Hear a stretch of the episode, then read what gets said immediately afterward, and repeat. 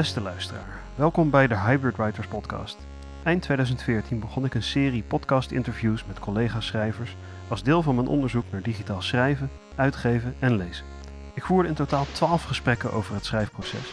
Alleen kwam het er niet van om de laatste online te zetten. Zonde natuurlijk en ook gewoon nogal stom van mij. Daarom nu, zonder al te veel poespas, alsnog het interview met de Vlaamse schrijver Annelies Verbeke. Ik leerde Annelies kennen in 2003 toen we vrijwel tegelijk debuteerden. Zij met slaap en ik met toiletten.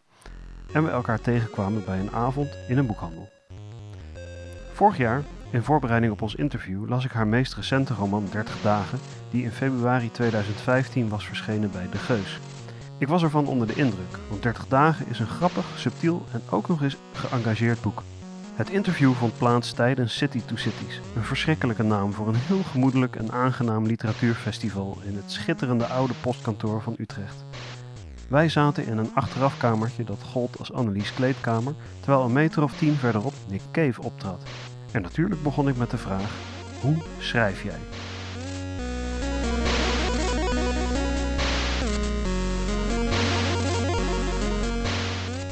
Het verschilt natuurlijk van wat ik schrijf. Ehm, bij een roman gaat er toch wel altijd een lange periode aan vooraf waar ja, ik begin na te denken over een. Er is een soort van thema, denk ik, in de eerste plaats, dat komt bovendrijven.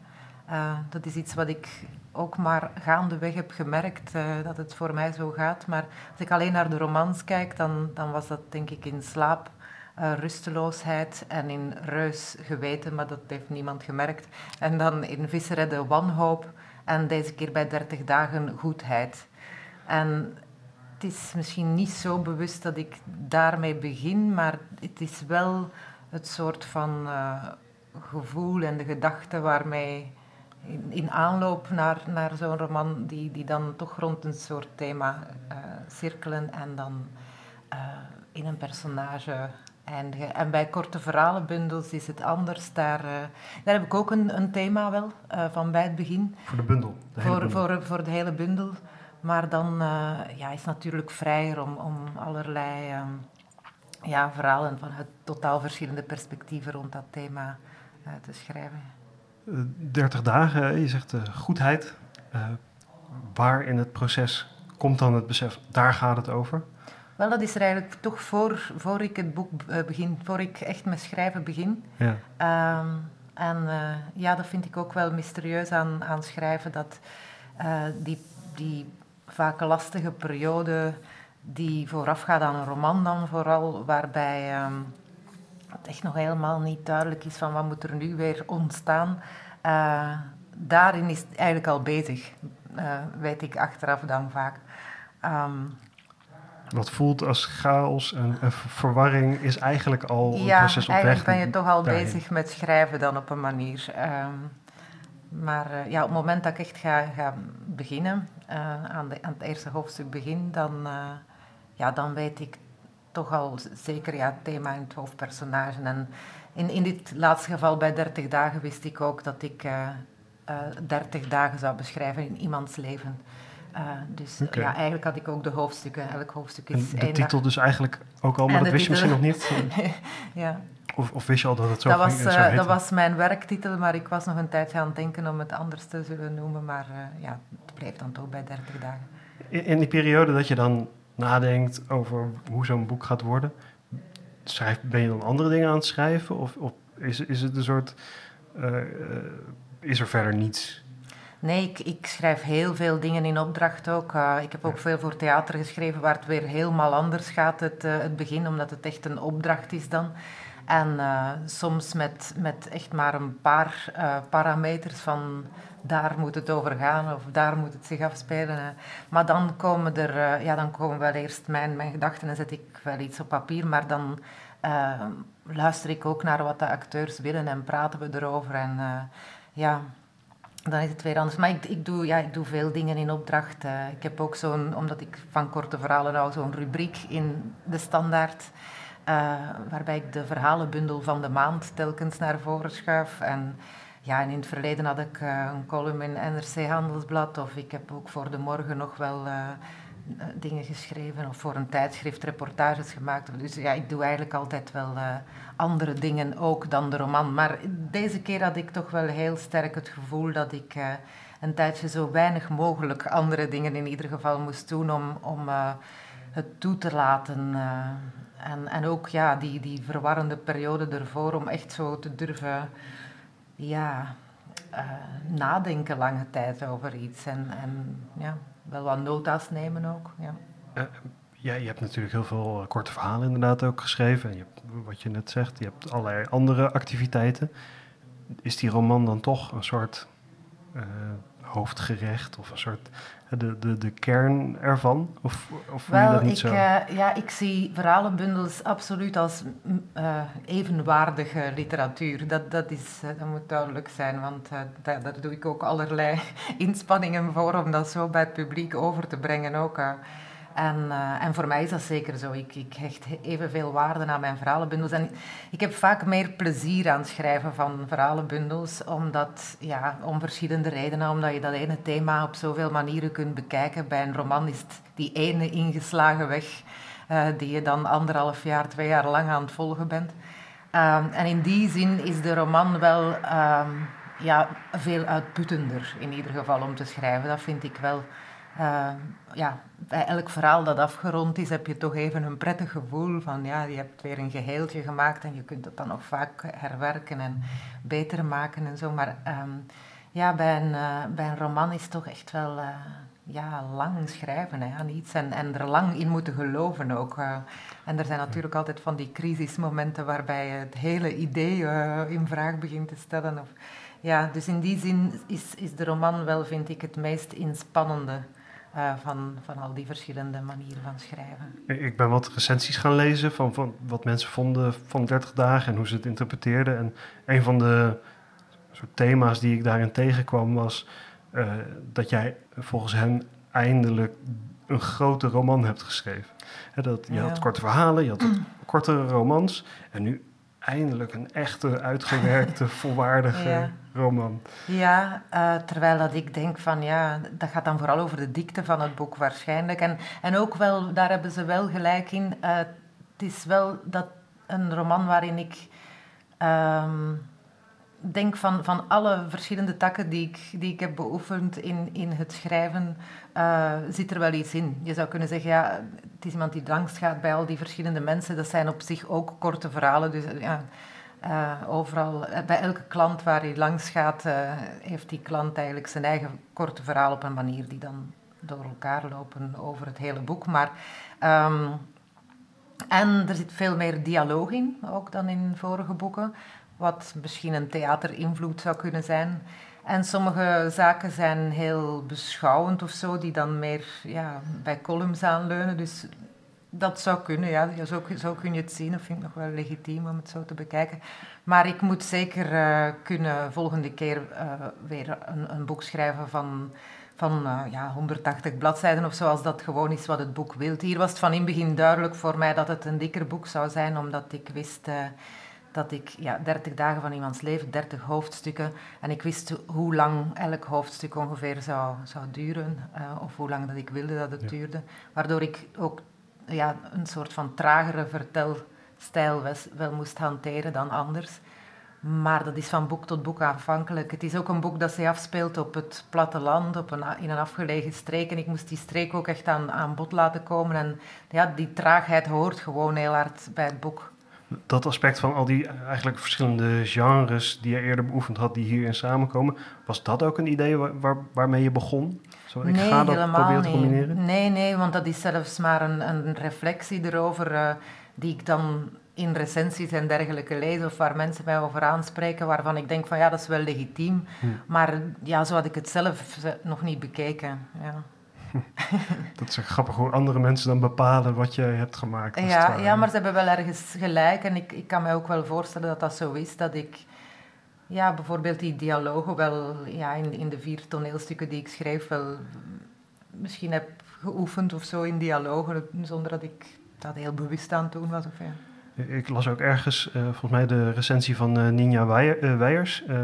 en een van de dingen die ze schreef, althans hoe ik het interpreteerde, was dat je hoofdrolspeler, uh, Alfons, dat hij ook uh, dat hij eigenlijk heel anders is dan je andere hoofdrolspelers, omdat hij veel uh, extraverter is en veel meer de, de interactie aangaat met mhm. anderen en niet zo'n zo'n existentiële eenzame figuur nee, nee, is. En hij, nee, en hij is eigenlijk gelukkig. Allee, gelukkig, hij is niet euforisch een heel boek lang, maar hij is een tevreden mens. Daar was ik heel bezorgd over natuurlijk lange tijd, want het is veel makkelijker om ja, een personage uh, te scheppen die duidelijk in de knoop zit met zichzelf of met iets om hem heen. En, uh, en dan is meteen de spanningsboog, uh, ja, heeft een start, zal hij eruit geraken of niet. Dus uh, dat was hier, ja, was ik wel bang van, ga ik dit kunnen volhouden, een heel boek en, en toch genoeg drama uh, daarin leggen. Want er moet natuurlijk wel iets gebeuren in een, in ja. een boek. Nu ben je wel de hele tijd bang dat er iets gaat gebeuren. Ik had een beetje het idee dat Alfons de enige is die normaal is en met wie het goed gaat. En iedereen die die tegenkomt, daar is iets mis mee. Uh, ja, ja, dat, dat zou, ja, zo zou je het wel kunnen zien. Ja, ik heb inderdaad, hij komt veel normaler over dan mijn andere personages, dat is wel zo. Ja. Uh, ja, ik, ik vond het, uh, ja, ik vond het uh, niet makkelijk om te schrijven, maar ik vond het wel heel interessant, omdat ik eh, ja, ook wel gewoon moest inzien dat ehm, tevreden mensen ook bestaan en dat die daarom niet totaal oninteressant zijn. Dus ik wilde ook echt wel dit boek schrijven, ook daarom. Ja. Klopt het dat je, dat je pas in het derde hoofdstuk of zoiets onthult dat Alfons van Senegalese afkomst is? Uh, dan dan is het heel duidelijk, gelezen? want dan, uh, dan belt hij met zijn moeder. En, uh, maar er zijn wel al clues ervoor, door hoe de andere personages op hem reageren, ja. kun je wel al beginnen denken van, ja, waarom beginnen die tegen hem over Obama? Of Waarom oh. vragen die zo gearticuleerd, waar komt u vandaan? Uh, en vragen dat dan nog eens met oorspronkelijk erachteraan. En, ja. Uh, dus ja, eigenlijk door uh, hoe anderen op hem reageren, kom je te weten dat hij dat die zwart is, dat hij een Afrikaan is van origine. Ja. ja. En zo wilde ik het ook wel doen, want ik heb een hekel aan boeken waar dat heel hard beklemtoond wordt en waar je dan Bladzijde 1. Ja, uh, ja een, een sneeuwvlok op zijn zwarte huid of zo van die dingen. Dat, ja, dat vind ik verschrikkelijk. Dat heb je ook nooit over blanke personages. Ja. Nooit wordt daar beklemtoond dat die blank zijn. Dus dat wilde ik absoluut vermijden. Ik, ik, vond het wel veel zeggen over mij als lezer dat het me verraste dat het zo was. Mm -hmm, ja, en, en, trouwens, het zegt ook iets over de haast die ik had bij het lezen, dat ik, uh, dat ik het niet had opgemerkt ja, daarvoor. Ja. Ja, de, de, blanke, de blanke lezer. Ja. ja, tuurlijk. Ja, en dat geldt voor mij ook. Uh, ik, ik ga ook bijna, bijna nooit, denk ik, uh, als er geen aanwijzing is, denken dat een personage zwart is. Ja. Is, is dat ook een element van jouw spel met de, de lezer? De, de kleine verrassing die er steeds is, de wending die je er geeft? Ja, ik, ik vind dat wel, wel fijn, inderdaad, om... om um, er zit altijd, bijna in elk boek zit er wel iets uh, metaliteraires of zo. En dat is ook niet iets wat ik dan um, op voorhand denk van... En nu moet er nog iets metaliteraires in. Het, komt vanzelf. Ik ben, denk ik, uh, ja, zelf ook altijd op die manier erover aan het denken van... Ja, ja, of een soort van knipoog naar de lezer of zo, die je dan ziet of niet. Hier zit er ook een auteur in, in het boek die nogal op mij zou kunnen lijken, terwijl ik nooit in die schrijversresidentie heb geresideerd waar die auteur zit bijvoorbeeld. is natuurlijk fictie, maar... Ja. En die dan ook even boos wordt op hem en zegt van ja, het is wel fictie, eh, haar verhaal wat ze dan schrijft. Mhm. Ja. Wat ik wel heel leuk vind van jouw werk is dat je een soort in, in jouw stijl, in, inderdaad het, het, het variëren in, in, al die registers, dat je de ruimte creëert voor dat soort mogelijkheden. En ook voor best wel absurde situaties, waarna het dan opeens weer heel serieus wordt. Of zo. En mhm. dat, dat kan dus als je dat goed opzet. Ja, ja, en het is misschien in dit boek ook meer dan in de vorige. Um, is er veel meer uh, ver, ver, ver, uh, verandert de toon veel meer van uh, ja, ook weer de vraag dan, is, is dat iets waar je tijdens het schrijven heel bewust van was? Of wanneer kwam je erachter dat dat in dit boek zat? Of dat het nodig was? De toonwisselingen. Ja. Um, nee, dat is eigenlijk niets waar ik zo bewust van ben. Dat is uh, dan toch het, het, boek dat dat eist of zo. Of, of, ja, dat gaat min of meer vanzelf, alhoewel het dat nooit, nooit zoiets vanzelf. Ah ja, dat klinkt Ja. totaal absurd. elk maar, woord wordt één voor één geschreven. ja, ja, ja, en met veel moeite vaak. Maar, eh, ehm, maar nee, het is niet iets wat ik bewust bedenk op voorhand. Nee, dat niet. Wat wel iets is wat ik ehm, nodig heb, en, en dat blijkt niet bij alle schrijvers zo te zijn, maar ik wil liefst zo snel mogelijk weten wat het einde van mijn roman zal zijn. Oké. Eh, dat heb ik niet bij korte verhalen. Daar eh, kiest het korte verhaal veel meer zelf. Die hebben Eh. misschien ook minder een soort plotachtig einde waar Ja, het hele ja. verhaal naartoe gaat. Ja, ja, ehm, ja en ik, ik interviewde onlangs zelf een korte verhalenschrijver, een, een Ierse verhalenschrijver, Kevin Barry. En die zei van, ik vond dat goed uitgedrukt, hij zei, ja, korte verhalen zijn mysteries voor mij. Van, ja, ik, ze nemen mij mee. En, eh, terwijl bij een roman moet je toch echt wel ja, voortdurend eh, ja, bewust zijn van wat je aan het doen bent of zo. Meer dan bij een kort verhaal. Ja. Maar ja, na- natuurlijk, eh, ja, verhalen, eh, romans nemen je ook mee. Het, is, het meeste gebeurt tijdens het schrijven van die roman. eh. Maar je, je zei van ik wil, eh, ik wil, ik heb heel sterke behoefte aan weten hoe het afloopt. Mhm, Maar ja. hoe ga je dan daar dan mee om? Schrijf je het einde alvast? Of schrijf je heel snel, zodat je snel bij het einde bent? Bij, nee, bij Visseredden heb ik dat wel gedaan. Dan heb ik na drie hoofdstukken... eh, en ik, ja, daar deed ik er ook heel lang over om te weten waar ik het boek moest beginnen. Dus ik ben ook ja, verschillende keren opnieuw begonnen, omdat ik ja, nog in het begin niet door had waar het moest beginnen. En dan heb ik na drie hoofdstukken dat einde geschreven en daar heel weinig aan veranderd eigenlijk eh, toen ik er dan aankwam. Maar hier heb ik het einde pas aan het einde geschreven, ehm, bij 30 dagen. En, eh, maar het zat wel in mijn hoofd en ik was wel heel zeker over wat ik ging doen. En ehm, ja, ik denk dat het einde ook van het hele boek het meest gecontroleerde is. Het meest gecontroleerde hoofdstuk of zo. Van, ja, omdat ik al heel lang heel goed wist wat ik, wat ik daar ging doen. Ja. Ja. Eh, ik vind het leuk om even eh, de beginvraag, hoe schrijf je, om daar even op een heel praktische manier op in te gaan. Op wat voor computer schrijf je? Eh, ik heb een MacBook Air, een heel kleintje dat ik makkelijk kan meenemen naar overal. Maar eh, als ik gewoon aan mijn bureau zit thuis, dan sluit ik het aan op een heel groot scherm. ehm, met een, toetsen, ja, draadloos toetsenbordje erbij. Dus dan gebruik ik hem gewoon als eh, computer. En, en die, die Air die heeft ook eh, een batterij die lang meegaat en je kan overal inderdaad Mhm. mee werken. Doe je dat ook? Zijn er situaties waarin je inderdaad aan zo'n roman... Nou, een roman niet. Dan merk ik, eh, dat, dat lukt mij niet. Eh, Ik, ik reis veel en dan eh, onderbreek ik de roman. Maar wat ik wel al vaker heb gedaan, is een kort verhaal tijdens een reis schrijven. Of, ja, soms reis ik ook met, met, een, met een opdracht. Dan moet ik schrijven over waar ik heen reis. Of, of, ja. Dus dat gebeurt ook. Ja, want dit, dit boek begon ook als zo'n soort opdracht, begreep ik toch? In de, Eh, in de wel, Westhoek. eh, ik heb die opdracht in ieder geval goed kunnen gebruiken. En ik, ik wist dat ik ehm, een, eh, een, een persoon naar een gebied, een, ja, een, een soort van buitenstaander gaat naar kleine afgelegen gemeenschap. Dat idee had ik wel.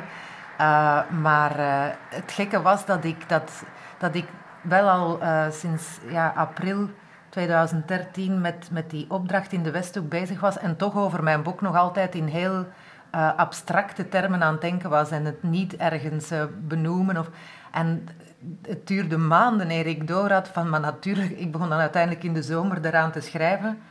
En dan ja, lag het plots voor de hand, maar natuurlijk is dat de Westhoek. dat, Ja. dat abstracte gebied dat ik de hele tijd in mijn hoofd heb. En ja, het past er ook perfect bij. En eh, ja, dat is dan gek dat ik dat dan niet meteen eh, ja, in die denkfase zo over aan het denken was. En terwijl wel heel intensief aan het schrijven was over die streek eigenlijk al, ja. Zijn er nou ook personages soort gebaseerd op mensen die je daar ontmoet hebt? Ja, ja, dat, dat wel, ja. ja. Ja, Er is die dat- molenaar bijvoorbeeld. Of eh, ja, er komt ook even een, eh, een ex-sommelier die het eh, wegrestaurant van zijn ouders heeft overgenomen. Die bestaat ook echt. Eh ben ik ook mee gaan praten. En er zijn ook veel kleine gesprekjes zo in de Westhoek die dan ja, ergens een plaats hebben gekregen. eh. ja, ook die, die eh, schrijversresidentie, die heb ik ook wel bezocht. Ik heb er dus niet als auteur verbleven, maar ja. het bestaat wel echt, dat weet ja, je. Ja, dat is de Villa Jursenaar. Jursenaar is daar opgegroeid. En ik neem aan dat de personages die in het boek opdoken, dat die pas kwamen nadat je had besloten dat het in de Westhoek zou spelen. Um, Want anders zou het wel helemaal uh, bizar zijn als je al wist, ik neem die mensen, ik gebruik ja, die mensen. Ja, maar de klanten van, van Alfons, dat zijn geen mensen die ik ben tegengekomen. Die heb ik echt uh, volledig verzonnen. Ja, ja, dat zijn geen echte Westhoekbewoners die ik heb ontmoet. Nee. Helder. Gelukkig ook, misschien, ja. voor ja. velen. ja. ja, wie wel ook een... een ja, er zit op een gegeven moment een Germain in...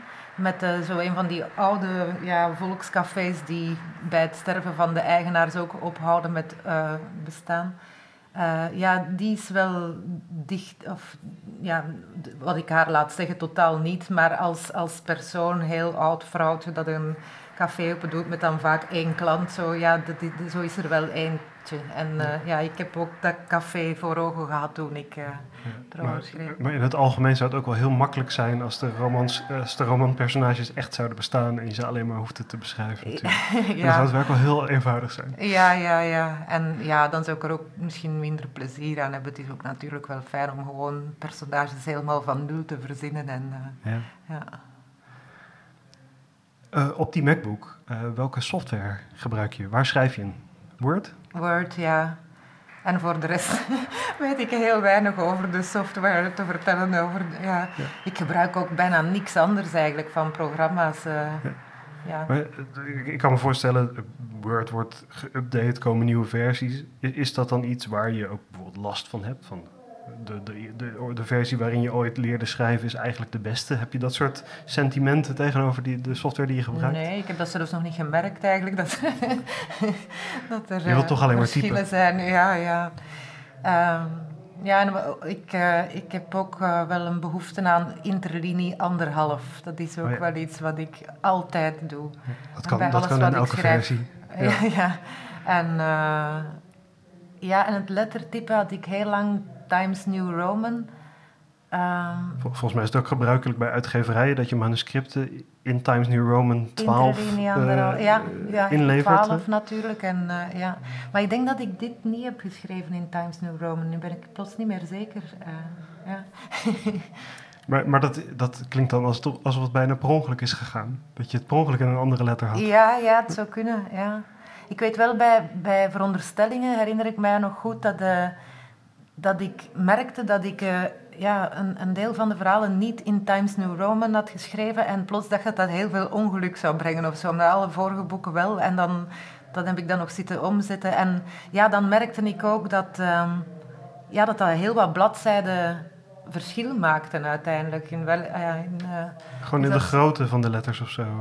bedoel, bedoel, ja, ja, dus dat een andere lettertype meebrengt dat er soms anderhalve bladzijde plots af of bij is. Of, ja, en, en, dan ben je dus helemaal gewend aan hoeveel tekst op een bladzijde past. En ja, ja dat, dat, dan moest ik daar toch even uh, over nadenken.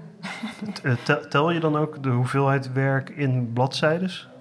Ik heb of, voor of mezelf, uh, maar dat is natuurlijk ook afhankelijk van waar in het proces ik zit. Maar als ik echt uh, met een roman bezig ben, dan wil ik ja, een minimum van twee A4's per dag. En dat lukt niet altijd. Uh, en soms zit ik erover natuurlijk. Uh, maar ja, dat is toch ergens mijn, mijn graadmeter. Ja.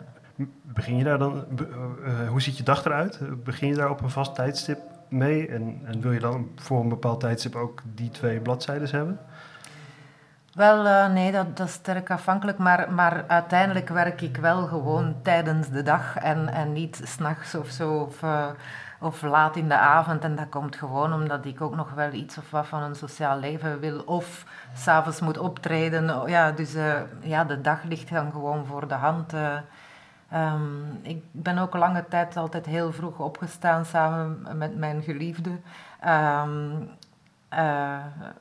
maar dan toch begin ik vaak maar echt te schrijven rond een uur of tien of zo. En dan ja. daarvoor kan ik dan zo wat ja, krant ja, dus, lezen. En... Er zijn natuurlijk allerlei verhalen over schrijvers, als een, een Murakami die dan om vier uur opstaat en dan eerst, ja, uh, dat, eerst een uh, paar uur gaat schrijven.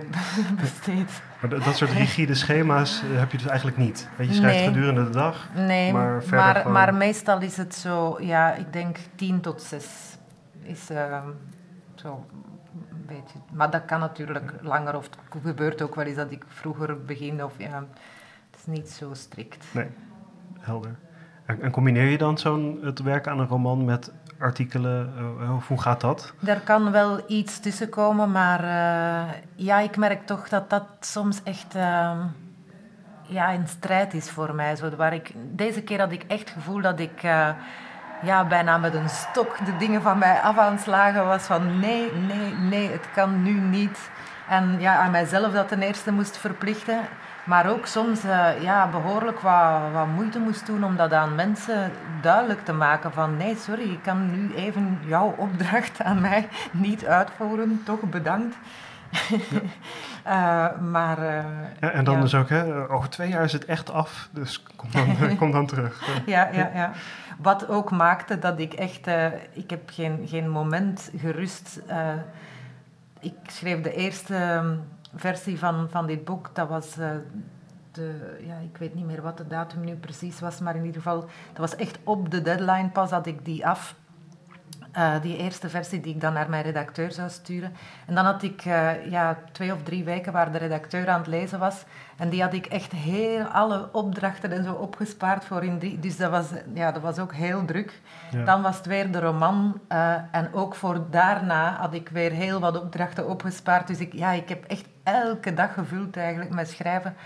En nu er, zijn er veel optredens en zo. En ik heb nog een kort uh, theatertekst geschreven voor een voorstelling van Wonderbaum. En dan nog een scenario-opdracht die ik nog moest uh, af, afwerken, waar ik ja, eigenlijk niet helemaal uh, met mijn hoofd bij was, moet ik toegeven. Maar, um, maar nu eindelijk is er zo tot... Ja, ik heb voor 1 augustus nog een deadline voor een paar kleinere dingen. Um, maar nu kan ik eventjes, uh, denk ik toch een week of buiten het optreden uh, rusten. En nu wil ik echt ook even niet schrijven aan niks. Ja. Ik heb uh, het gevoel dat ik echt helemaal leeg geschreven ben nu. En dat heb ik nog niet vaak gehad. Even een rustige zomer Ja, ik nemen. hoop het. Ik hoop het, want ik ben er echt aan toe. En, en je voelt gewoon dat er dan ook niks meer komt. Het is... En dat is wel uh, ja, ook een redelijk beangstigend gevoel, vind ik. Zo, ik. Ik voel echt dat het nu op is. Het is ja. Ja. ja. zeker als je dat dan niet eerder zo hebt gevoeld. Dat, ja, uh, toch nooit zo, ja. Of ook zelfs zo'n soort van weerzin voor, voor opdrachten die op mij afkomen, waar ik echt denk, nee, echt nu even niet. Ja, geen, geen zin in. geen zin, Niet thuis. Ja.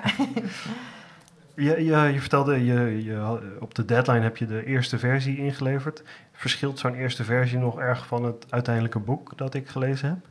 Ja, ik ben in ieder geval toch blij dat die eerste versie niet meteen uh, gedrukt wordt. Ja, ja. En, en ook, uh, er, zijn, er is de input van de redacteur. Deze keer had ik ook een, een groepje van vijf lezers samengesteld. Uh, ja, omdat ik toch ja, ook nog andere opinies wilde horen deze keer. Ik dacht, waarom niet? Ook omdat ik dat ook een aantal keer gedaan had, dat collega's mij vroegen van, wil jij meelezen? En en uh, ik dacht, ja, ik ga dat ook toch eens vragen aan anderen. Zo. Ik dat, ben dat, altijd dat een, had je eerder helemaal Ik had niet dat nog gedaan. nooit gedaan, nee. Uh, en ik, ik, zou mij altijd wat uh, gegeneerd voelen met het doen. Maar toen ik dat dan deed, vonden mensen dat eigenlijk helemaal niet erg om, om te doen, blijkbaar. Um, dus ja, ik denk dat ik dat nu in de toekomst nog wel ga doen. Kwamen daar verrassingen uit? Hadden ze er heel andere ideeën over dan dat je zelf had? niet extreem anders, nee. Uh, maar ja, soms halen ze er wel dingetjes uit. Ik heb één vriendin die is heel goed ruimtelijk. Zo, dus die, kan zich heel, die stelt zich heel goed de dingen voor, hoe alles dan precies tegenover elkaar geplaatst is. En die vond echt een paar extreme blunders daarin. Uh, ook uh, bijvoorbeeld iemand rijdt en dan plots is de andere die aan het rijden is of zo. Ja, zo echt, echt, echt hele rare fouten. Ja, ja, en ook gek dat dan ook de redacteur dat toch niet had opge opgemerkt eerst. Uh, dus nee, dat was zeker wel, wel goed. Uh, dat ik meerdere meelezers had. Um, en ook ja, in die eindfase, dan lees ik het zelf zo vaak opnieuw en opnieuw en opnieuw. En toch ja, is dat gek dat je blijft dingetjes vinden. Zo. Ja. Dingen die misschien bijna niemand zou zijn opvallen. En in de eerste versie Uh, de eerste druk, ondertussen zijn we aan de derde druk, maar in de eerste druk uh, had uh, ja, een collega van mij toch nog iets gevonden. Stond er, Jeroen Teunissen was dat. En hij is de enige die het heeft opgemerkt, of althans mij gemeld, dat Dieter ergens Dirk heette plots. En ik was eerst aan het, ik had hem eerst Dirk ook genoemd. En dan dacht ik, ja nee, Dieter is beter. En dan stond er plots toch nog ergens een Dirk. En dat had dus ook niemand gezien. En ja, wonderlijk. Nee, ja. En ik ook in mijn gaan 19 keer dat ik het opnieuw las, ja, niet gezien in de gesprekken die ik met schrijvers heb gevoerd, ik, ik ken natuurlijk ook mijn eigen schrijfwijze. Uh, mijn eerste versie is, is echt nog heel erg gruw. En die laat ik eigenlijk ook aan niemand lezen. En dan komt er nog een, een echt een serieuze tweede versie die pas toonbaar is aan de wereld. Is, is jouw eerste versie eigenlijk ook al wel heel geschaafd en heel gepolijst? Um, hoe, uh, en eigenlijk meer van hoe, hoe ziet jouw schrijver eruit? Van, schrijf je het in één keer? Schrap je veel? Ja. Zit je er nog heel erg aan te, te pielen? Um, ik ik uh, herlees ook wel altijd wat ik de dag ervoor of de dagen ervoor heb geschreven. Dus uh, op die manier natuurlijk ben ik gaandeweg ook altijd wel aan het herwerken. Uh, en de eerste versie die ik laat lezen aan mijn redacteur is ook wel de eerste versie na twee keer de eerste versie zelf herlezen ja. te hebben en, en dan ook natuurlijk weer wat bijgeschaafd. En uh, die heb ik dan aan een deel van mijn samengestelde leesgroepje uh, gegeven, uh, aan twee ervan.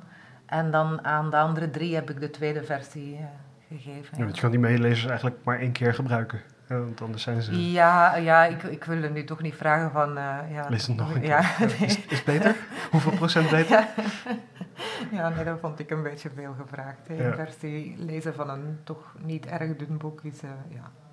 En uh, je, je, noemde zelf het woord uh, schaven. Van, zit er nou ook echt nog structurele uh, dingen in die je verandert? Zo van, moet echt, dit stuk moet helemaal aan het begin of mm -hmm. dat er dat soort ja, geen, constructiewerk geen, is? Geen hele lange stukken of zo, maar wel, ja, er is zeker hier en daar paragraaf die verhuist naar een plek waar die beter past of zo, ja klinkt toch wel alsof je de, de lijn die je inzet, dat je daar aardig trouw aan blijft zo in het, in het ja, proces. zeker hier, omdat ook ja, 30 dagen uit iemands leven natuurlijk, je kunt daar niet alles in beginnen op het laatste moment uh, van plaats verwisselen. Hè. Uh. Maar, maar je hebt dus niet een soort plan vooraf gemaakt van 30 dagen, uh, nee. wij spreken met, met post-its. oh nee, nee, dat doe ik Wat waar komt. Nee, nee, dat groeit in mijn hoofd en... en ik, ik maak wel nota's soms over. Uh, die doet nog dat later. Of, of uh, ja, dit moet nog terugkomen, dit moet ik niet vergeten. Losse uh, eindjes. Ja, ja zelfs, zelfs dat niet, nee. Maar, maar uh, nee, ik kan wel concrete ideeën voor later in het boek neerschrijven soms. Maar. Maar ja, het komt, komt toch ook gewoon, je zit daar zoveel uren, dus de dingen komen en je denkt er zoveel over na dat ja, sommige dingen ga je dan toch ook niet vergeten om, om te doen. Ja. Maar nota's neem ik ook. Ja, ik heb ook altijd zo bij, bij nota's heb ik, ik heb een klein schriftje zo voor, dat in mijn handtas past, dat ik dan naar plekken meeneem als ik het niet vergeet. Of dat naast mij ligt uh, als ik slaap. Um, of, of wakker liggen, uiteraard, en niet even schrijf. Um, maar dan heb ik een, een groter formaat schrift en dat ligt echt naast mijn toetsenbord. En daar, uh, dat gaat dan alleen over dat boek en daarin uh, schrijf ik dan ja, eerder ideeën voor later in het boek. Ja waar ik dan ook altijd zo'n lijn ondertrek per, per idee. Dus ik heb heel veel van die grotere schriften die zo allemaal ja, blokjes eigenlijk bevatten. Van, uh, maar, maar, dat zijn allemaal textuele ideeën? Of zijn er ook wel eens toch schema's of dat soort uh, zaken? Gebruik je dat helemaal niet? Bij, bij visseredden was er wel op, op een gegeven moment iets als een schema, ja. Uh, maar hier niet, eigenlijk, nee. Het is echt heel sterk afhankelijk van boek tot boek, ja. Ja, dit had het gewoon niet nodig. Nee, hier uh, ja, ging, het, ging het meer uh, ja, organisch en ook omdat de dagen elkaar duidelijk opvolgen. Het is dag na dag en ik nam mijn tijd om die dag te laten beginnen en eindigen. Ja. ja. En ook wel, denk ik, omdat het... Uh, ja, ergens wel episodisch is. In de zin van die klanten volgen elkaar op en eh, ja, komen nog wel eens terug. Dat wel, maar ja, op een of andere manier wekt, wekken die 30 dagen de suggestie dat daar een, een, soort schematische opzet achter zit. Maar ik kom er nu dus achter dat dat niet zo is. Ik vraag, ik vraag me toch af of je dan niet op een gegeven moment denkt van, nou, ik ben nu uh, op, op twee derde, nu moeten er nog zoveel klanten komen. Uh, wat voor klanten worden dat dan? Ja. En uh, dat, is sowieso wel een interessante vraag. Waar kwamen die klanten dan vandaan? Waren ze er zodra je die dag begon of moest dat eerst verzonnen zijn? Hoe, hoe, kan, je, kan je proberen te schetsen hoe dat in zijn werk ging? Ja, ja dat, dat gaat gewoon ja, moeizaam en, en uiteindelijk komt er iets. Ja, ik kan daar moeilijk iets, zo, iets meer over zeggen. Er zijn ook wel, zeker naar het einde toe, klanten die... Um, ik wou ook wel dat die goedheid... Um, dat, dat ergens een onderzoek wordt naar goedheid, ook voor mij dan, als, als auteur. Dus ik wou ook wel op een Hoe gegeven ver ga je als, als, als goed iemand? Ja, bijvoorbeeld... Wanneer houdt het op? Uh, naar het einde toe zijn er ook wel een aantal problematische gevallen, zoals uh, ja, die vrouw die expres iets stuk maakt, zodat hij terug zou komen. Ja, ik begrijp van, oké, als dit nog heel lang duurt, dan kun je dat niet volhouden gewoon. Uh. En dan... Uh, of ook, ja, het is niet altijd even duidelijk wat het goede is om te doen. Uh, wat als je weet dat iemand, iemand anders iets kwaad heeft aangedaan vanuit een volledig begrijpelijke reden. Ja. Wat doe je dan? Ja, het is, uh... Maar dat is dan op, eigenlijk op een filosofische manier weer redelijk schematisch. Dat je dus denkt, mm -hmm. welke scenario's zijn er om goedheid te testen? Ja, ja, of, uh, ja daar, daar heb ik natuurlijk wel over nagedacht. Dat, die, ja, dat het niet telkens hetzelfde verhaal kon, kon zijn. Of hetzelfde niet telkens kon gezegd worden over goedheid. Van ja, hij komt bij een klant en hij is goed voor die klant. En mensen bellen hem er nog over en hebben hem nodig. Daar. Ja, ik kan dat niet elke keer opnieuw vertellen, dat zou gewoon heel saai zijn. Dus uh, ja, ik moest het wel op die manier dan telkens anders doen. Dus, ja, maar dan had ik niet zo meteen altijd een, een klant voor ogen. Maar uh, ja.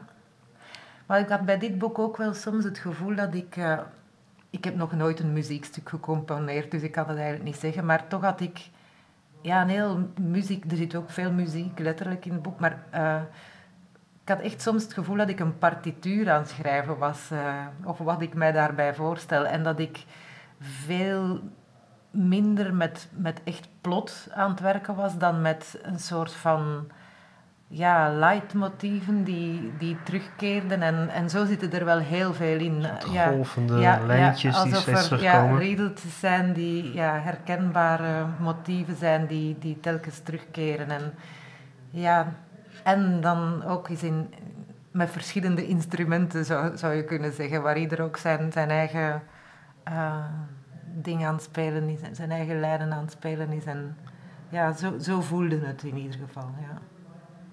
Mooi. um, Eén ding waar ik benieuwd naar was, uh, heel af en toe nemen de personages, de bijpersonages het woord. En dan komt ineens het perspectief van die figuren naar voren. Um, ja. Wanneer merkt u dat dat nodig was? Ja, en, en uh, dat was ook wel een beetje verontrustend dat... Uh, niet al mijn lezers en ook de, de redacteur in het begin niet begreep wat ik, wat ik bedoelde met die cursieve stukjes. En dus niet meteen zagen van dit is iemand anders perspectief op hem. Dit kan hij niet weten, want dit wordt over hem gedacht. En dat is gek, want voor mij was dat heel duidelijk. En voor, voor een van de lezers ook, die begreep dat niet van... Oeh, dat, dat zagen de anderen dan niet. Maar, uh, dus als je het, ja, voor sommige mensen komt het heel natuurlijk over en voor anderen dus niet. Maar goed, uh, alleen mijn redacteur vroeg zich toen wel af van, ja, moet je het dan ook nog eens cursief zetten? Ik vond dat absoluut nodig, omdat het dus ja, die blokjes zijn die, uh, die hij niet kan weten. ja. blikken op hem. Um, en uh, ja, daar heb ik dan voet bij stuk gehouden. En van ja, het is cursief en uh, zo blijft het. Ja. En, en er is dus verder ook niks aan veranderd? Of heb je nog wel meer geprobeerd duidelijk te maken dat het nee, echt iemand ik anders vond, was? Uh, ik vond, ja, oké, okay, het zal dan niet voor iedereen duidelijk zijn misschien, maar zo hou ik het toch. Want als ik het duidelijker maak, is het voor mezelf niet meer goed. Dan, dan ben ik het te veel aan het uitleggen of zo. En, ja. ja. Maar, maar mijn oorspronkelijke vraag van waarom was het nou nodig? Ja. Uh, ja. Uh, of niet, ja, mijn vraag was eigenlijk, hoe kwam je erachter? is dat gewoon iets wat bij het schrijven gebeurde of ook al een van je plannetjes die je vooraf had? Nee, nee, dat gebeurde tijdens het schrijven. En het, het, het was denk ik nog zo een, een gevoel dat ik meenam in het boek uit veronderstellingen, wat voortdurend gaat over uh, ja, hoe eigenlijk mensen met veronderstellingen ook elkaar de, de duivel aandoen, in, in het geval van dat boek vooral dan. Uh, maar ik vond het interessant om bij dat hoofdpersonage te zijn en hem te volgen. Maar af en toe, ja, die andere blik op hem. En dan niet alleen van mensen, maar zelfs van dieren en dergelijke. De, ja, ik vond dat gewoon heel fijn om te doen. En, en het is... Uh, ja, het is weer een soort spiegeltje of zo dat erin geplaatst wordt. En weer een ander... Uh, ja, een soort van... als het dan een muziekstuk is, een, een soort van vreemd deuntje af en toe ertussen of zo. Dan weer. Ja, ja. ja. Nou, het is inderdaad een van die soort patroontjes die steeds terugkomen. Ja. Op, op een redelijk, nou, ook wel evenwichtige manier. Hè? Het, uh, ja, ja, ik heb het geprobeerd om het toch uh, geregeld te doen. En ik had zelf, en ik kan mij dan zelfs voorstellen dat sommige lezers dat compleet onnozel vinden, dat ik dat dan ook vanuit het hondje doe. maar daar heb ik dus zoveel plezier aan dan wel even als ik aan het schrijven ben, om dat vanuit die hond... Uh, ja, ik, allee, ik vond dat eigenlijk zelf een hele goede passage, waar uh, de hond voor het raam op hem zit te wachten en dan mhm. zegt ja, baas, baas, baas. Ja, dat vind ik heel leuk om zoiets te schrijven. Is het nou... Je, je, had het over... Uh, het is alsof je een symfonie componeert. En je bent een, een, een ding aan het maken met een begin en een eind. En je hebt daar een plan voor. In, in hoeverre ben je een soort gesprek aan het voeren met die denkbeeldige lezer? Zo van, je hebt er plezier in dat je iemand gaat verrassen met een stukje vanuit een hondje geschreven. Ja, maar die denkbeeldige lezer, dat ben ik. Ik denk dat wat ik doe als ik schrijf uh, dat ik echt een soort van uh, opsplitsing in mijzelf maak, waar er één aan het schrijven is en één aan het lezen is. En die lezer is ook absoluut niet zo'n aangenaam mens. Allee, dus geen, geen uh, ja, niet het soort lezer die... Ja, die alles wel leuk vindt. Ja, of die wel wel meegaat in wat je bedoelt. Nee, die is de hele tijd ja maar aan het zeggen. En, ja. en, en die wil dus de hele tijd op allerlei verschillende manieren weer verrast en verblijd ja, ja, worden. Ja, ja, dat is een hele veeleisende lezer. Ja. Als, als die lezer het, het goed vindt, dan is er een kans dat het Ja, of dan is het althans uh, een boek dat ik zelf goed vind. En dat is uiteindelijk toch altijd... Ja, je kunt nooit een boek schrijven dat iedereen het over eens is van... Dit is ja, het boek der boeken. Uh, dus uh, ja, dat, dat moet ook niet je bezorgdheid zijn om... om te pleasen. Hè. Dat, dat is niet de bedoeling van een boek. Maar het is wel de bedoeling dat je een boek schrijft waarvan je zelf denkt, dit is een goed boek, dit, is, uh, dit wil ik lezen. Ja. ja. Dan ga ik ervan uit dat je dat gevoel hebt. Maar waar ik ook wel benieuwd naar ben is, uh, in hoeverre heb je nou, het is nu drie maanden sinds het, uh, het uit is gebracht? Ja, begin maart, ja. Twee, voor, voor zover ik recensies heb gezien, waren die heel enthousiast. Maar heb je een gevoel van hoe de gewone lezers dit boek hebben ontvangen? Wat zij ervan vinden? En... Ja, ik kreeg goede reacties. Maar ja, de, de slechte reacties krijg je niet zo gauw te horen. Die zullen er zeker ook wel zijn. Maar uh, ik, ik, uh, ik was zelf wel echt... Uh, dus als het dan klaar in een eindstadium raakt, maar ook wel soms tijdens het schrijven ja, af en toe komt er wel een moment natuurlijk waarbij je, dat je reflecteert van zitten ook andere mensen buiten de veel eisende lezer die ik zelf ben hier uh, op te wachten eigenlijk? Of hoe, hoe gaan ze erop reageren? En zeker dat thema goedheid is nu ook niet het meest coole thema dat je kunt ja, bedenken in sommige mensen in ogen. Of het is al meteen, krijg je een zweem van morele superioriteit of zo. Dingen die ik helemaal niet wil, wil uitstralen. En dan ook hoop dat dat er niet in gelezen wordt. En ehm, ja, dus daar werd ik wel wat bezorgd over. En ik, ik heb echt uh, toch wel met een bang hart zitten wachten op de eerste recensies. Het was wel, dat, dat leesgroepje was heel enthousiast, maar dat zijn vrienden van mij uiteindelijk. En, uh, en mijn redacteur, dat was wel iets wat mij uh, vertrouwen gaf. Dat mijn redacteur, die al van bij het eerste boek meegaat, die vond, ja, die vond het duidelijk ja, het beste boek wat ik al geschreven had. En die was zo blij ermee. En ja, dat, dat was heel fijn. Dat was, dat was uh, eigenlijk de eerste echte... Uh, de eerste keer dat ik echt dacht van... Oké, het zou ook wel kunnen dat het toch uh, iets aanraakt bij mensen waar an- Want ik had geen idee eigenlijk of dat zo leefde bij mensen zoals dat leefde bij mijzelf. Om daarover na te denken, over goedheid als in iemands leven. En, en hoe dat je dat een plaats geeft of wat je daarmee aan moet. Of dat je kunt zeggen van ja, ik doe goed omdat ik sterk ben, omdat het kan. En, uh, en hoeveel mensen zich daar, uh, daarmee eens zouden zijn bijvoorbeeld. En, uh, en dat je dan toch ook even kwetsbaar blijft en al die dingen. En dat vond ik wel ja, verrassend op een prettige manier. Dat blijkbaar heel veel mensen dat snapten, wat ja. ik daar zei. Ja zie je daar dan ook voor jezelf haast een, een, soort maatschappelijke rol als schrijver? Dat je dus nee, iemand bent die daar met de mensen over nadenkt? Of uh, ja, dat kan natuurlijk wel op, op een lezing of zo, dat je er dan echt over... over allee, dat, dat mensen zelf dingen beginnen vertellen en dat het dan zo'n soort dialoog wordt. Maar nee, je begint geen boek met het idee van ik ga de maatschappij hier eens veranderen. Dat is, dat, allee, volgens mij is dat een totaal verkeerde... Uh, veranderen is ook wel heel ambitieus, maar je zou wel kunnen beginnen met... Uh, uh, goedheid is een heel belangrijk onderwerp en daar hebben we het met z'n allen te weinig over. Mm -hmm. Dat kan ik me wel voorstellen. Um, ja, nee, het begint bij mij dan toch echt uh, bij wat belangrijk is voor mij. Ik, ja, ik, en wat andere niet... mensen denken of vinden, dat moeten ze zelf maar uitzoeken. Mm, wel, ik wil natuurlijk over iets praten en ik hoop dat, dat andere mensen snappen wat ik zeg. Zeker. Ja, dat, dat, is gewoon, dat is altijd de angst ergens bij een boek, dat niemand een idee heeft over wat je het hebt, in godsnaam. en dan niemand dat gevoel deelt. Dat, is, ja, dat moet bijzonder eenzaam zijn. Dat is zo'n nachtmerrie toch voor een schrijver. Dat, dat je denkt van, ja, nu heb ik het eens allemaal gezegd en ja, niemand heeft uh, ook maar enige clue uh, wat je aan het vertellen bent. ja, ja.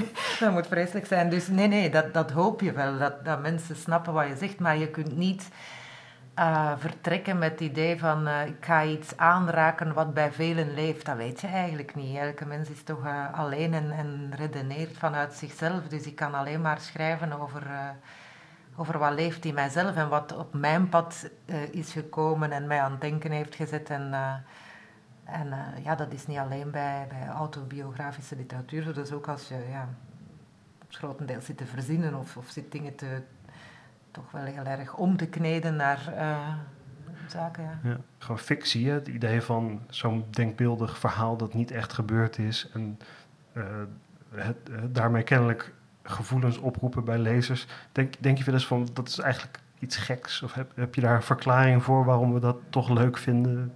Ja, maar ik denk dat literatuur gewoon uh, moet... Het is, ja, moet ik het zeggen? Mensen praten heel veel met elkaar de hele tijd. Taal is alomtegenwoordig, maar literatuur is meer dan taal. Het is meer dan communicatie. Dat gaat daar heb je ja, anderhalf jaar, twee jaar in dit geval over nagedacht en op ingegaan. En dan heb je dat in je mooiste taal die, die jij kunt maken, heb je dat, je mooiste of je ja, de, de, de woorden gebruikt of gezocht waarvan je denkt, dit zegt het beste uh, wat hier ja, moet staan. Of, ja. Maar tegelijk zijn de, zijn de figuren en is het verhaal niet echt. Het is niet gebeurd, het is niet werkelijk. Ja. Ja, maar je kunt denk ik gewoon veel, veel vaker dan echt zeggen wat je, ja, wat je bedoelt of wat, ja, wat, wat belangrijk is. Kun je dan beter, denk ik, zeggen in een, in een fictieverhaal dan... Ja, voor mij is dat toch zo. Ik kan dat dan uh, beter allemaal zeggen in een samenhangend fictieverhaal dan, dan wanneer ik zou proberen... Uh, ja, een, een non-fictieboek te schrijven over een... Natuurlijk moeten die er ook zijn, ik lees ook non-fictie. Uh, maar, Voor jou is dit de, de, de, de juiste vorm. Ja, maar dan is het nog altijd...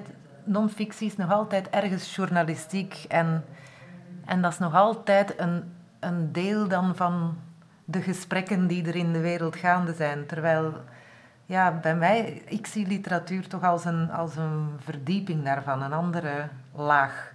Waar, uh, ja een soort medi meditatie op die onderwerpen. Ja, en, en ik vind ook dat schrijven echt vaak voelt als mediteren of, of bidden of zo. Uh, niet dat ik eigenlijk enige ervaring heb met die twee, maar, maar mediteren toch in de zin van, wat ik daarvan begrijp van mensen die mediteren, is dat tijd iets totaal anders wordt. en dat is zo. Als ik echt goed aan het schrijven ben, dan, ja, dan kunnen er vier uren voorbij zijn Terwijl dat dan eerder voelt als één of, of gewoon voelt als ja, niks. Of, ja, het is, het, is, het is gewoon naast de tijd ergens. Of, ja, dus in die zin heeft het wel met mediteren te maken, denk ik. Ja. Jaren werk gedistilleerd in 30 dagen. ja, ja, ja. Eh, klopt het, herinner ik het goed dat je, dat je bent opgeleid als, als filmscenarist? Dat dat jouw achtergrond is? Uh, wel, ik heb uh, eerst uh, Germaanse taal en letterkunde gedaan, wat in, in België betekent dat je kiest uit twee Germaans, Germaanse talen, Engels en Nederlands in mijn geval. dus ik heb daar vooral, ja, je moest dan taalkunde ook doen in de kandidaturen en vanaf de licenties deed ik dan ja, vooral literatuur en ook Russische literatuur erbij. en dan heb ik inderdaad nog een postgraduaat scenario schrijven gedaan. Ja. Ja, vanuit zo'n uh, liefde voor film vooral. En ook wel het idee van ik, ik wil toch ook iets maken. En ja, achteraf heb ik wel ingezien dat scenario schrijven nu niet meteen het, het soort van schrijven is dat, dat ik het meest boeiend vind. Helemaal niet. Een scenario is uiteindelijk een, uh, een handleiding voor iedereen op de set en die eraan aan de film meewerkt. Plus het, het heeft altijd met budget te maken, dus je moet altijd weer herschrijven in teken, in, in teken van budget. En het is ook niet de bedoeling om daar metaforen in te gaan gebruiken of eigenlijk, het moet gewoon duidelijk zijn. Het is dus een heel plastische vorm van schrijven. Ja, ja het, I mean, het, is, het is interessant, je, je leert er uh, wel iets van. Het is, een goede scenarist is uh, absoluut nodig voor, voor een goede film, denk ik. Uh, ik heb er bewondering voor ook, voor goede scenaristen. Maar, um, maar voor mij is toch uh, literatuur een veel interessantere manier van schrijven. En dan gaat het ook over stijlen, over ritmen en dan gaat het over zoveel meer dan over uh, het duidelijk neerzetten van een verhaal. Ja. En is een filmscenario dan weer zo anders dan een theatertekst?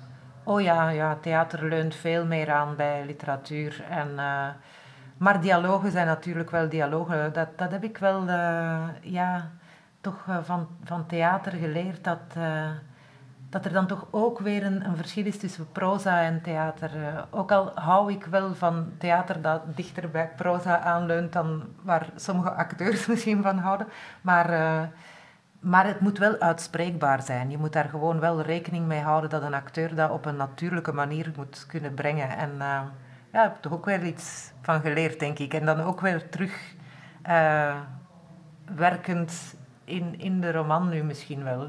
Dat ik misschien zijn dit dan wel uitspreekbaarder dialogen dan wat ik vroeger zou geschreven hebben. Ik, ik weet het niet wat andere mensen hun mening daarover is. Uh, laatste vraag, denk ik. Um, je vertelde je wil nu allereerst gewoon een rustige zomer. Ja. Heb je nog ambities, grote plannen, dingen die je heel graag wil doen? Uh, manieren waarop je jezelf wil ontwikkelen? Wat, wat is de volgende stap? Ja, ik heb, ik heb een idee voor een nieuwe verhalenbundel, maar uh, ja, ik moet er eerst nog zelf eens goed over nadenken. Maar het is wel een, een heel speciaal idee, maar ik, ik durf er nog niet, goed, nog niet goed over praten. Omdat, misschien komt die er toch niet en, en stap ik er toch vanaf.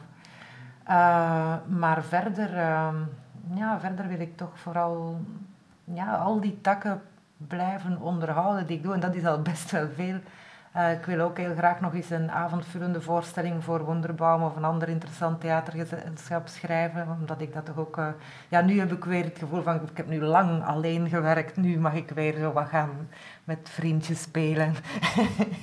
dus, uh, en samen iets maken. Als dat lukt, als dat goed uitdraait, wat toch een aantal keer zo was, dan is dat prachtig. Om samen iets te maken, vind ik. Dat, dat ja, de, de som groter is dan de, de dan gewoon de, de, delen opgeteld. Hoe zeg je dat ook alweer?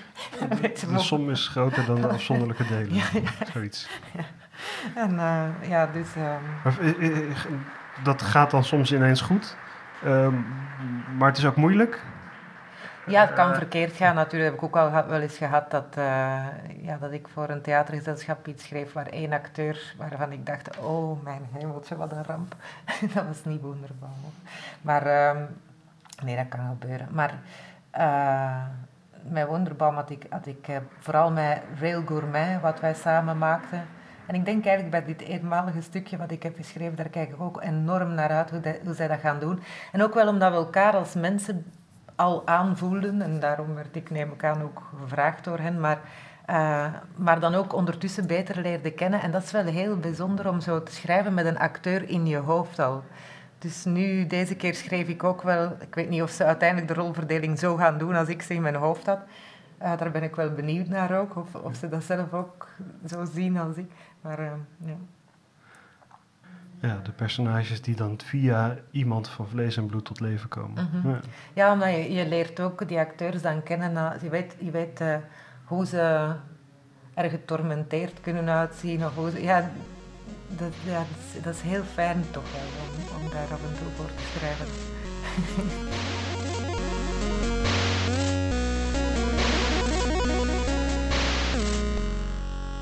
En zo eindigde deze laatste Hybrid Writers podcast.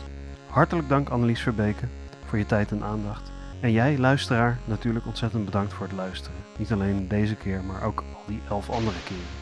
De muziek was trouwens van Sycamore Drive.